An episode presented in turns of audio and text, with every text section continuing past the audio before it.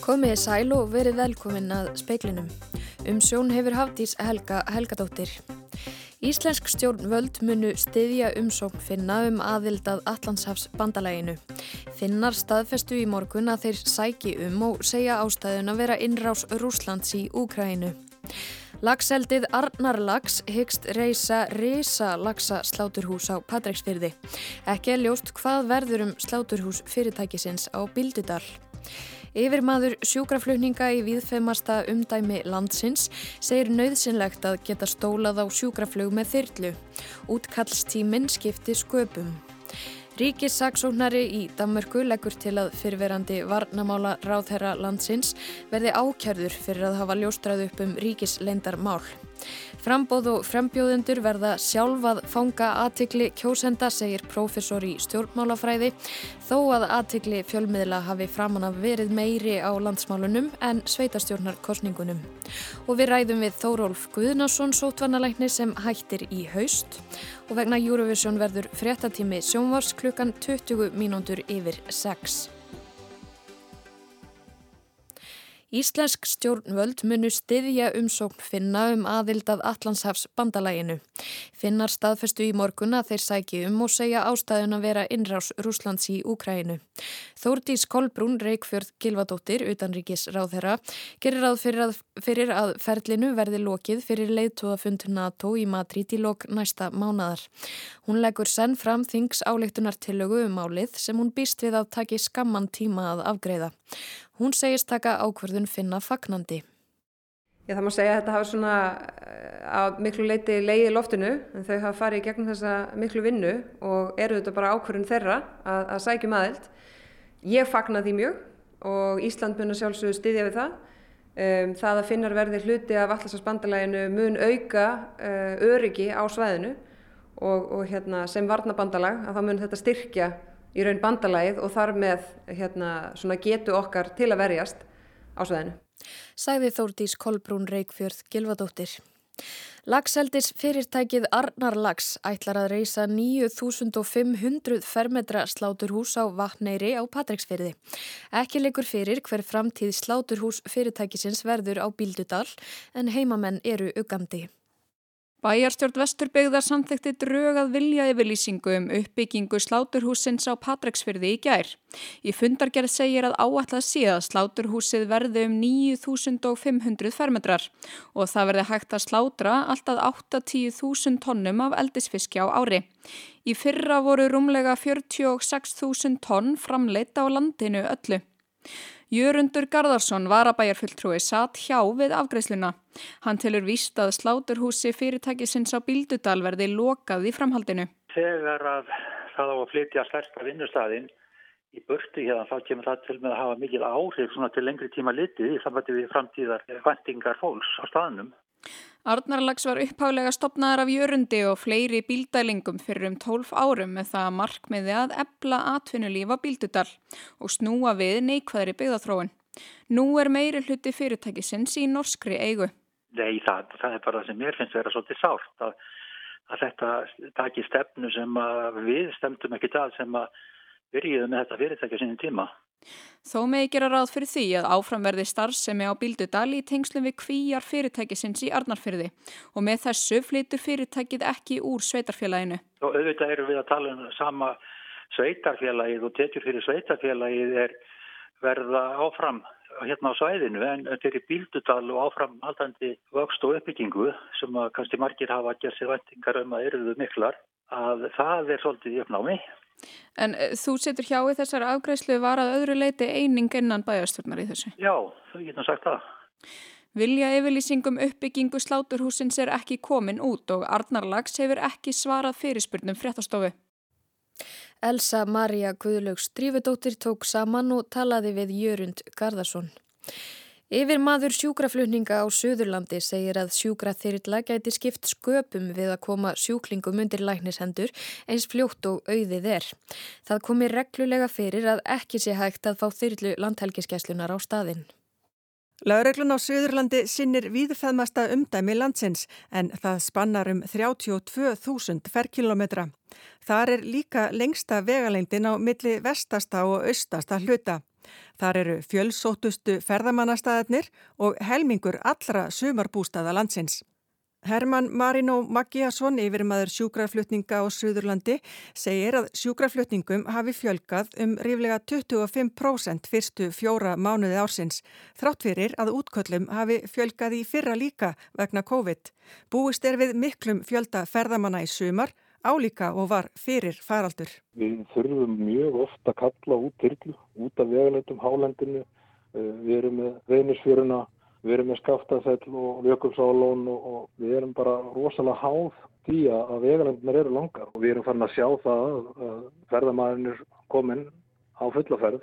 Herman segir brínt að stitta útkallstíman og þá helst með sérstakri sjúkraþyrlu sem gæti brugðist hraðar við en þyrla landhelgiskæslunar. Útkallstíman skiptir gríðalegu máli að það er að fá þyrlun í lofti uh, á sem stuðstum tíma Á þriðju dag þurfti að flytja bílstjóra sem slasaðist alvarlega í bílveltu undir Eyjafjöllum með sjúkrabíl til Reykjavíkur þar sem ekki var hægt að manna þyrlu landhelgiskeslunar. Það kemur reglulega fyrir að það næst ekki að fá þyrlu. Stundum er það veðurskilir eða þá styrlan er í öðru verkefni eða þyrlan hefur verið bílu þannig að þetta er mikið áhægjefni fyrir okkur hérna á Söðlandinu og, og ég tala ekki um Vestmann eða líka uh, það sem er langur útkastími í að fá sjúkraflugvel allavega frá Akureyri og við tristum á, á svona björgunatæki að þetta getur bara skila á milli. Segir Herman Marino Maggiarsson, Alma Ómarstóttir talaði við hann. Nokkur, nokkur titringur virðist komin í kostningabaráttuna því kærur og kvartanir vegna auglýsingaskilta berast víða inn á borð yfirvalda. Píratar og Garðabæðalistinn kvörtu undan auglýsingum annara flokka og auglýsingaskildi á gatnamótum Holtavegur Sæbrutar í Reykjavík. Sigriður Kristinsdóttir, síslumæður á Hauðborgarsvæðinu, segir að þar sem auglýsingin sjáist ekki frá þeim stað sem kosið er utan kjörfundar, telji ennbættið ekki að auglýsingin hafi áhrif á kjósundur. Á mánudag voru fjórir auglýsingaborðar vina Kópavós fjarlagðir í Kópaví eftir fjölda ábendinga. Einn eiganda þeirra sótti borðan í þjónustu deildina og segist hafa dundraðunum upp aftur. Kópavur sendi ábyrðamönnum frambóðana leiðbynningar fyrir viku og benti á að sækja er þeim leiði fyrir borðum sem eru stærri en tveir fermetrar. Píratar gerðu aðtjóðsamt við auglýsingu frá sjálfstæðisfloknum sem hefur verið á byðskilum strætisvagna í Kópaví í nokkuð tíma. Þeir telja þetta skýrt brot á lauruglu samþygt. Í dag var unnið að því að fjarlæga þessar auglýsingar Samfylkingunni á Akranesi var gert að taka niður fána flokksins en utan kjörfundar atkvæðagreislan fer fram hjá síslumanni sem er í sömu húsalingju. Í morgun ringdi starfsmöður síslumanns í Stekishólmi og sagði að það veru tilmæli frá yfirkjörstjórn að hilja glukkaskreitingar. Ottviti samfylkingarinnar segir þetta í fyrsta skipti í þau 20 ár sem flokkurinn hafa átt húsnæðið að gerð sér aðtjóðsemt við glukkaskreitingar. Pétur Magnússon sagði frá. Ríkis saksóknari í Danmörku lagði til í dag við dómsmála ráðuneytið að Klaus Jort Fredriksen, fyrirverandi varnamálar á þeirra, verði sóttur til saka fyrir að hafa ljóstrað upp um ríkis leindarmál. Þinglandsins þarf að samþykja að hann verði ákjörður. Frettastofa danska ríkisútvarpsins hafði síðdeis eftir Mattias Tesfaye, dómsmálar á þeirra, að ríkistjórnin væri sammála um að Fredriksen yrði ákjörður. Hann gengdi ennbætti varnarmólar á þeirra á árunum 2016 til 19. Hann staðfesti við talið við víkendavísin eftir að hann leta af ennbætti að danska leini þjónustan fylgdist með allri síma og netnótkunni í Danmörku og að þjóðaröryggis-stofnun bandaríkjana, NSA, hefði aðgangað upplýsingunum. Með því segir ákerfvaldið að hann hafi brotið gegn 109. grein refsilagana, það er að hafa upplýst um ríkis lendarmál. Sjálfur segist Klaus Jórn Fredriksen að hann hafi einungis tjáð sig um með pólitískt mál sem almennur þingmaður. Hann telur að máli gegn honum sé af pólitískum rótum runnið. Þingmenn á danska þinginu verða að samþykja að Fredriksen verði sviftur þinghelgi til þess að undverði að ákjæra hann. Áskeir Tómasson sagði frá. Tugþúsundir gesta frá öllum heimshornum sækja eldheima í Vesmanegjum á hverju ári. Þeir eru sapnminninga um eldgossið í Vesmanegjum 1973. Sapstjórin segir ótrúlegt hver margir muni eftir gossinu sem drægi að sér aðtilina því það verð inni í byggð.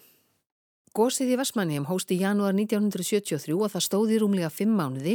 Á næsta ári eru 50 ár frá uppafi og lokum gósins. Hraun og aska eðurlögðu þriðjungbyggðarinnar eða tæplega 400 hús og byggingar. 40 árum síðar var gósminjasýningin Eldheimar sett upp en hún lýsir atbyrðarásin á áhrifamikinn hátt en miðpunktur síningarinnar er hús sem gróst undir ösku í gósinu. Kristín Jóhannsdóttir er sapstjóri Eldheima sem hún segir vera stórkostlegustu afþreyingu bæjarins og að eldfjallið unga hafi gríðarlegt aðdráttarafl. Mönnum finnst þetta alveg stór merkileg saga og uh, það er svona gaman að því á hvaða aldri fólk er. Það er ótrúlega hvað eru margir sem muna eftir þessu gósi að sko fólk sem er komið ákveðin aldur þó að sé frá Ástrali það man eftir fréttunum af þessu gósi og það er ekki að því þetta er staðsta gós sem eh, nútíminn hefur séð heldur að því þetta er inn í byggð. Og það gerir þetta svo einstak að við fengum síðan náttúrulega sko elpæðis frá uh, Spáni til okkar að því að annað svipað gós varð uh, náttúrulega á, á La Palma í lók síðasta árs sagði Kristín Jóhannsdóttir, Jóhanna Vigdís Hjaltadóttir talaði við hana. COVID-faraldurinn er stór atbyrður í sögu Íslands og þörf á að gera hann upp, segir Þórólfur Guðnason sótvarnalæknir. Ekki síst til að undirbúa viðbröð við óumflíjanlegum faraldri í framtíðinni. Það eru alltaf veirur í vændum, segir Þórólur, sem hefur sagt upp störfum og hættir í haust. Hann hefur starfað í sótvörnum í 20 ár og síðustu árin var baráttan við lúmsku veiruna fyrirferðar mikil. Arnar Björnsson, fréttamaður, ræti við Þórólf í dag og spurði fyrst af hverju hann hætti núna. Já, það er nú það að ég verði að hætta, ég verði 70 ára næsta ári og, og ég sagt, held að þetta sé bara réttu tímapunktur, við erum á góðum stað í faraldrinum Uh, og við erum svona endurskipuleggja starfseminna svolítið á sótvartanum, við að, fara, þurfum að leggja meira áherslu á það, það sem við þurfum að gera en hefur fallið svona niður á þessum tveimur árum þannig að ég held að þetta sé ágæntist tímapunktur. Þú er búin að starfa sem sótvartanleikni hvað í tvo ára tíð? Nei, ég er búin að vera sótvartanleikni síðan 2015 og uh, og hérna ég er búin að starfa í þessu, þessu umhverfi núna í, í mjög langan tíma það eru það er um 20 ár síðan ég byrjaði hér að vinna hérna hjá, í sótvornum og þannig að þetta er orðin góðu tími. Hvað er nú eftirmilinaðast? Ég veit ekki, ég oftur að hugsa það svolítið en þetta er, er mjög margt og, og hérna, eftirminnilegast er bara þetta frábæra fólk sem ég vinni með og, og, hérna, og hérna, þau verkefni sem við náðum að klára og getum verið stolt af. En er ráðlegt að sleppa hendina af þessu núna? Getur ekki verið að einhver skrattans vera komið hér aftur? Jú, jú, það getur verið að COVID er ekki búið þannig að við, það getur ímislegt gerst með, með COVID eh, sem við þurfum bara að fylgjast með. Við erum eftir að fá annan heimsfaraldur, uh, influensu eða eitthvað annað, en hvenar það verður við vitum við getum svona svipað eins og með eldgósin. Uh, það, það er bara eiliða verkefni þannig að á einhverju tímapunkti þá, þá þurfum við bara aðrir að taka við. Einhver skjæð vera á næstunni og, og þú hættir við að hætta? Já, við vitum ekkert hvenar hún kemur, hún, hvort hún kemur eftir uh, eitt ár, tvö ár, 10 ár, 20 ár, 100 ár, það er óvíst. Ég veit að þú ert búin að eh, halda dagbók, þú ert búin að skrifa um, um nánast allt sem að við ykkur þessu starfi. Er það reitt störfum sem eru framöndan? Það, ég veit það ekki, ég, ég held að það sé kannski mjög mikið vegt að einhvern veginn að gera þetta upp á einhvern máta alveg klárlega. Þetta er stór atbyrður í, í sögu Íslands og, og, og ég held að margir er eftir að gera þetta upp og, og ég hef uh, ágættis punktar sem ég hef uh, svona sangaða mér í gegnum, gegnum þennan tíma. En þegar þú lítur í baksin í speilin, eh, er eitthvað sem að þú sérð eftir að hafa gert? Nei, ekki, ekki stórun dráttum. Þetta er alltaf þannig að við höfum verið að vinna í rauntíma með upplýsingar í rauntíma og reyna að spá fyrir um framtíðina og reyna að gera þetta þannig eins faglega eins og mögulegt er. Þetta er ímislegt sem að maður hefði viljað eftir á að higgja kannski aðeins gera öðruvísi. Eh, en ég held að við getum bara öll verið stolt af því sem við gerðum og hvernig þetta tiltókst hér og hefur tekist til þessa. Voru einhver átök við stjórnmálumennina? Nei, ég myndi ekki segja það. Það var mjög gott samstarf við uh, þá tvo heilbreyðsráðara sem að hafa staðið í brunni núna í, í COVID-tímanum og, og ráðneitið og þannig að við stjórnvöld, uh, fórsættisráðar og svo framvegis ríkstjórnina það hefur verið mjög, mjög, mjög gott samstarf. Þú ert þekktur tónlistarmæður, bassaleikari, sagður góður, uh, ætlar að fara að, að einbeita þaðra músíki núna? ég get nú kannski ekki endilega tekið því þessi þekktur tónlistamæður eða og ég er ekki viss um allir myndi taka undir það að ég var í góður tónlistamæður en ég hef mikið áhuga á því sem ég er að gera og, og það fleiti mér langt já já ég held að ég eh, muni eftir að ég hafa góða tíma með vinnum mínum og, og þarf að dusta reykið að ýmsu Heldur þú kannski að, að þú verið jefn tíður gestur í sjónvörpum landsbanna sem tónlistamæður og sóþáttalæknir? Það ekki von ekki ég er von að því Sérðu, eh, en af hverju, af hverju núna er, er þú, þú, þú uh, veist á orð að segja það sé veira í vandum, af hverju núna? Já, það er alltaf veirur í vandum, þetta er bara þannig, það er alltaf, þó eftir eitt á þá líka, verður líka veirur í vandum og, og þannig að þetta er bara þannig, þetta er bara færiband sem gengur áfram og, og, og hérna, og það er bara um að gera að velja þann tíma sem maður telur hendur til þess að, að, að hérna, uh, stöðlað kaplaskiptum í sínu lífi. Hvaða ákvörðun á þessum tíma þykir þið vennstum að hafa tekið? Ég veit það ekki, ég, það er bara mjög margar og, og, hérna, og ég þykir vænstum þetta að viðtæka samráð þó að margir hafi haldið það að hafa ekkert samráð verið í, á COVID-tímanu þá þetta viðtæka samráð sem við höfum verið með við bara mjög marga aðila innlenda og erlenda Eh, það er eiginlega það sem að mér finnst kannski vera svona eh, standard svolítið upp úr líka kom ekki einhver tímað fyrir að þú hugsaði með þér á hver er í þessu tarfi? Ekki oft, jú, það kvarlaði að mér á svona köplum en það stóð mjög stutt yfir Varstu óanaði með þessa gaggrínisatti sem á komu á, á þig og, og embætti? Nei, nei, alls ekki og þar voru bara mjög mismunandi þessar gaggrínisattir, þar voru faglegar margar, ófaglegar líka margar og og, og hérna, nei, nei, ég alls ekki og, og ég leiti það nú bara hjá mér þessu ófaglegu. En þú ert bara e, sáttur að skilja við og heldur að þetta sé í góðum hundum? Já, já, ég er alveg sáttur við það, ég er búin að vera að hugsa þetta aldrei einn tíma og það, er, það eru góðir aðilar eh, sem að geta tekið við, nú ég er bara að benda á það að það eru margir sjálfskeipaðir faraldsfræðingar og smittsútoma eh, sérfræðingar í þessu landi. Þannig að ég held að, að, að þetta ætti að vera tækifæri fyrir mjög marga sem að, sem að til þessi hafa e, hlutverka gegn í þessu. En eigum við enna að, að þó okkur um hendundar og, og nota spritt til þess að spritta okkur? Já, algjörlega. Við erum alltaf að fara eftir þessum grundvallar atriðum í, í síkingavörnum og sóttvörnum. Það er algjörlega ljóst og Við höfum séð það á COVID-tímanum að, að, að hefðbundna pestir, bæðið öndunarverðarsýkingar, niðurgangspestar og annað, hefur alveg dottir niður á þessum tíma þar sem við höfum að beita sóttvörnum. Ég er ekki að segja að við þurfum að beita einhverju mjög hörðum sóttvörnum, en þessi grunnatrið og handfottur og annað slíkt, það er eitthvað sem ég held að menn þurfa bara áfram að lifa við. Nú þurfa allir þétt að standa saman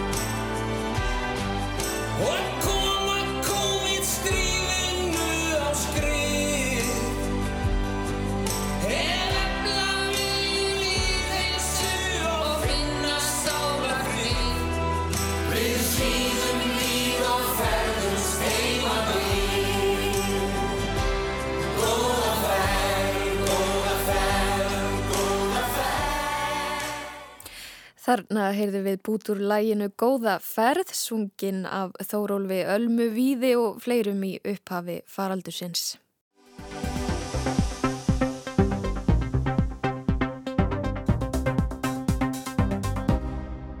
Frambóð og frambjóðendur verða sjálfað fanga aðtikli kjósenda, segir profesor í stjórnmálafræði. Þó að aðtikli fjölmiðla hafi framanna verið meiri á landsmálunum en sveitarstjórnar kosningunum. Tveimur dögum fyrir kjördag er enn talað um deyfð yfir kostningabaráttunni fyrir sveitarstjórnarkostningar þetta vorið. Áhugi fjölmiðla var framan af meira á landsmálunum og þá sérstaklega bankasölunni, segi Stefania Óskarsdóttir, profesor í stjórnmálafræði við Háskóli Íslands. En það sé þó alltaf frambóðana og frambjóðandana sjálfra að fanga aðtikli og atkvæði kjósenda.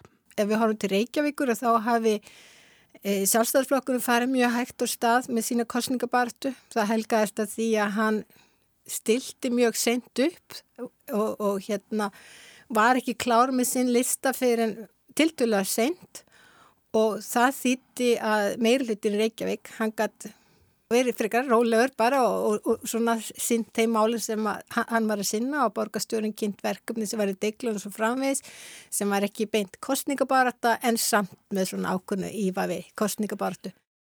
En það er ekki hægt að beintengja millir gengisflokka á þingi og í landsmálunum og hvernig gengur í sveitarstjórnunum, segir Stefania. Menn og málefn á hverjum stað hafa líka afgerandi áhrif og við skoðum á fylgisfróun til dæmis sjálfstæðsflóksins í, henni minnstu sveitafélögum núna í skoðanakonunum að þá er það mísjátt hver staðan er. Hún er ábyrgandi slökust í Reykjavík en alveg þokkali viða, viða annar stað þrátt fyrir það að það hafi verið ágjöf í landsmálunum. Flokkarnir og frambóðin þurfa að marka sér skýrastefnu og tengja sig við sveitarstjórnamálinu og það sem brennur á íbúðum á hverjum stað. Stefania sér ekki gott að spá fyrir um kjörsóknina á lögadag. Kjósendahópurinn hafi breyst frá því í síðustu kostningum, rýmri reglur um útlendinga hafi til dæmis fjölgað þeim mjög á kjörskrá. En það hefur búrið á því að fólk virðist ekki vita að það hefur kostningarétt og það er ekki víst að frambóðin hafi verið að tegja sér svo mikið eftir þessum kjósundum eða verið að tala beint til þeirra og það hérna síndi sér í síðustu sveitstjórnarkostningum að kostningaþáttaka að meðaltali hjá innflytjandum, hún var, hvað ég segja, norranni borgarar, þeir voru að kjósa svona 50% en, en aðri innflytjandur, þeir voru, held að það hefur verið 15% sem að, sem, sem nýtt sér kostningaréttin. Þetta getur lækka með öðrum orðum heildar hérna kostningaþáttuguna ef að hún hýfist ekki upp í þessum hópi. Það vil líka verið tala um svona lítinn áhuga ungs fólks og sveitastjórnarkostningum, sérstaklega á höfuburgarsvæðinu. Í, fyrir síðustu kostningar þá var virkilegt átæk í gangi til að reyna vekja áhuga ungs fólks og annara á sveitastjórnarkostningunum og ég held að það hefur kannski skilað sér í því að kostningaþáttakan, hún hjálp svipu, hún hafði verið í kostningunum á undan 2014, hún búið með þess aðeins upp, hérna upp í 67% úr 66% eða 68%. Finnst þið menn ekki að hafa lagt sig eins fram núna í ég, þetta nei, vorið? Nei, ég hef ekki orðið verið við það að það væri neitt sérstætt áttak svona meðal ungsfólks eða, eða framhalskólan nema við ekki áhuga þeirra á þessum kostningum En það er þetta þannig að þetta er frambúin að sjálfra að vekja áhuga kjósindana. Það er ekki þetta að skella skuldinni eða, ábyrðinni bara á ofinbyrja aðila þó að þeir vissilega getur líka lagt sér eftir því.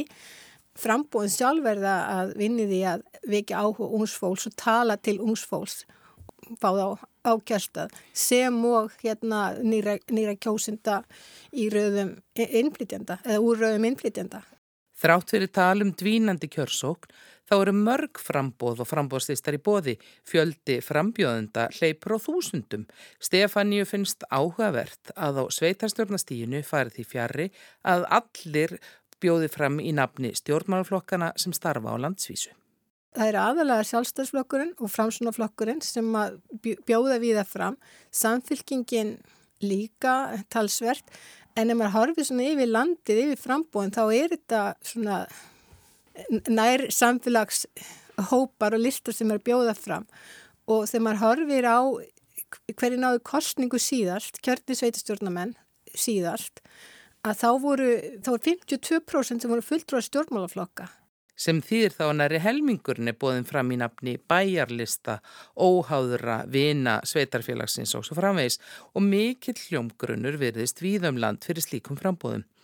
Ofta tíðum hefur komið fram eitt ákveði mál sem hreyfur við kjósindum og færi þá til að koma á kjörstað. Núna í þessum kostningum er ekkit sérstatt mál sem að ég hef tekið eftir e, e, neinstæðirrauninni. Þetta er fyrður svona tíðinda lítil kostninga bara til þeim skilningi. Það er ekki koma neina svona bombur ykkurar eða nixl eða eitthvað sem er stundu búið til svona rétt fyrir kostningar sem er líka hreyfið fólki. Það lítur út fyrir mikið fylgistap sjálfstæðisflokksins í borginni, meiri hlutin undir fóristu samfylkingarnar haldi en fylgið færist nokkuð til millir flokkana sem starfa saman í meiri hlutanum. Alltaf vand með farið að vera í samstarfi, meiri hlutasamstarfi, vegna þess að ónýttilega er aðtiklinn mest á, á þessi fóristumanninum, í þessu tilviki borgastjórunum, sem þá nýtu þess að klippa og borða og tilkynna nýjar áallanir og, og svo framvis, en, en fæ líka skammirnar. Þarna er mikilvægt fyrir samflokka að svona þetta ná að vinna vel saman en samt að leggja áherslur á, á sín sérmál og sangat skonakönnum að þá er samfélkingin að njóta samstarfsins og píratar líka sem að hafa vaksið skonakönnum en vinstur grænir og viðreist eru bara á svipu rólu í síðustu kostningum, viðreist kannski heldur að tapa frá síðustu kostningum og vafkið svona svipuð róli með tiltula lítið fylgi í sveitasturðarkostningunum sangað skoðanakannum í Reykjavík núna en líka síðast og það er óháð því að, að, að og það mun læra fylgi heldur en vafkið með á landsvís og mun læra fylgi heldur en til dæmis eða stuðnings hérna tölur við Katrínu Jakobsdóttir sína. Svo er það útlitt fyrir kannski að framsók sem á ekki einu sinni fulltrúa núna komið. Já, og þeir eru, þeir eru að skora ágætlega í þessum skoðanakonunum og jáfnvel að fá þrjá menn og þessir þrín menn eru þeir sem að sjálfstafsflokkurinn er að tapa sem sínir að í fyrsta lega flokkshottlista, hún er snar snar mingað og sjálfstafsflokkurinn getur til dæmis ekki lengur gengið að því vísu að, að kjósendur sem kjósan síðast kjósan aftur eða aðri flokkar. Þetta er þróun og Íslandi sem við séum, þetta er líka alþjóðlega þróun áherslu flokkana er svo líkar heilt yfir, hvort sem það er í stjórnar anstuðu eða meiri hlutanum, að þá fara einstaklingarna skipta kannski meira máli og það séu svona einhverjar átekalínur eins og með á móti borgarlínu eða með á móti þjættari byggð samt vilja allir borgarlínu nema miðflokkurinn og það vilja allir þjætta byggð en svona mismikið, þetta er ekki það mikil áherslu munur að þetta skipti verulegu máli og þá kemur inn í sé, svona, hversu vel þekktur er frambjöndun og hversu vel þekktur, hversu vel kynntur er hann. Og það hefur sínt í kostningum að þeir sem eru áður en er komið kostningabartuna þekktir og svona velkynntir, þeir hafa oft ágæta meðbyr og við höfum séð það að þegar fjölmjölamenn fara í frambóð þá er þeir oft mjög, mjög mikið meðbyr. Þó að það kannski endist ekki alveg út sko kjörtumabilið að jáfnvel lítur svona til dæmis til þingsins að þeir endast ekki endilega sko mörg kjörtumabil hversu þekktur þú ert það, það skiptir máli og fyrir fólk sem er ekki að fylgjast mikið með veit valla hverjir er í frambúi þá hallast þér kannski að þeim sem að þeir þó þekkja. Ertu spennt fyrir kjördegi og svona nýðastöðunum? Já, já, þetta er auðvitað alltaf, alltaf spennandi. En svo sem náttúrulega kemur upp úr kössunum. Það leiði til viðræðina um samstarfa því það er nú á fæstu stöðum sem líkur sem líkur þann í því að það sé eitt flokku sem fái meilhuta þannig að spurningin er hvaða samstarf tekur við eftir, eftir kostningar í sveitafélum henni kringum okkur breytist eitthvað eða verður bara áframhaldandi samstarf og þá ég við bæði í náttúrulega Reykjavík, Kópavogi og Hafnafyrði og, og víðar. Ég myndi kannski ekki búast inn ennum járskjöldum en svo er annað sem maður má nefna og það er það að ég getum auðvitað velt fyrir hversu áraðanlega þessar skoanakannari eru. Það, við hefum nefnilega séð á síðustu árum erlendis og líka einhverju leiti hér að það eru minna áraðanlegar heldur en það voru áður. Og það er kannski vegna þess að það er erfið að ná til fólksfáða til að svara og einhvers svona skjakkjur sem að þessi fyrirtæki sem eru þó að vinni í sífilt að reyna að leiðrætta og í síðustu sveitstjórnarkostningum var það þannig að kannanir hefðu sínt talsveit læra fylgi sjálfstæðarflokksins heldur en reyndin var, þannig til dæmis svona kannanir síndu þá að sjálfstæðarflokkum var með 24% fylgi en fekk yfir 30%, samfylgingin var með meira fylgi skonakonum heldur en reyndin var þegar talið var upp úr kassunum og sama var með pírata, þeir mæltust með hærri í skonakönnum heldur en þeir fengu. Og þarna kemur aftur þá, þú veist, hverjir mæta kjörstað. Sæði Stefania Óskarstóttir, profesor í stjórnmálafræði við Háskóla Íslands, Anna Kristín Jónsdóttir talaði við hana. En það var helst í speiklinum í kvöld að Íslensk stjórnvöld munu stiðja umsón finna um aðild að Allandshafs bandalæginu, finnar staðfestu í morgun að þeir sæki um og segja ástæðun að vera innrás Rúslands í Úkræinu. Lagsaeldið Arnar Lags hegst reysa risa lagsa sláturhús á Patricksfyrði, ekki er ljóst hvað verður um sláturhús fyrirtækisins á Bíldudal. Eh, yfir maður sjúkraflutninga í viðfemasta umdæmi landsins segir nöðsynlegt að geta stólað á sjúkraflug með þyrlu. Útkallstíminn skipti sköpum. Ríkisaksónari í Danmörku leggur til að fyrverandi varnamálar á þeirra landsins verði ákjærður fyrir að hafa uppljóstraðum ríkislendarmál. Fleira er ekki í speiklinum í kvöld. Tæknimaður í útsendingu var Magnús Þorstein Magnússon. Verið sæl.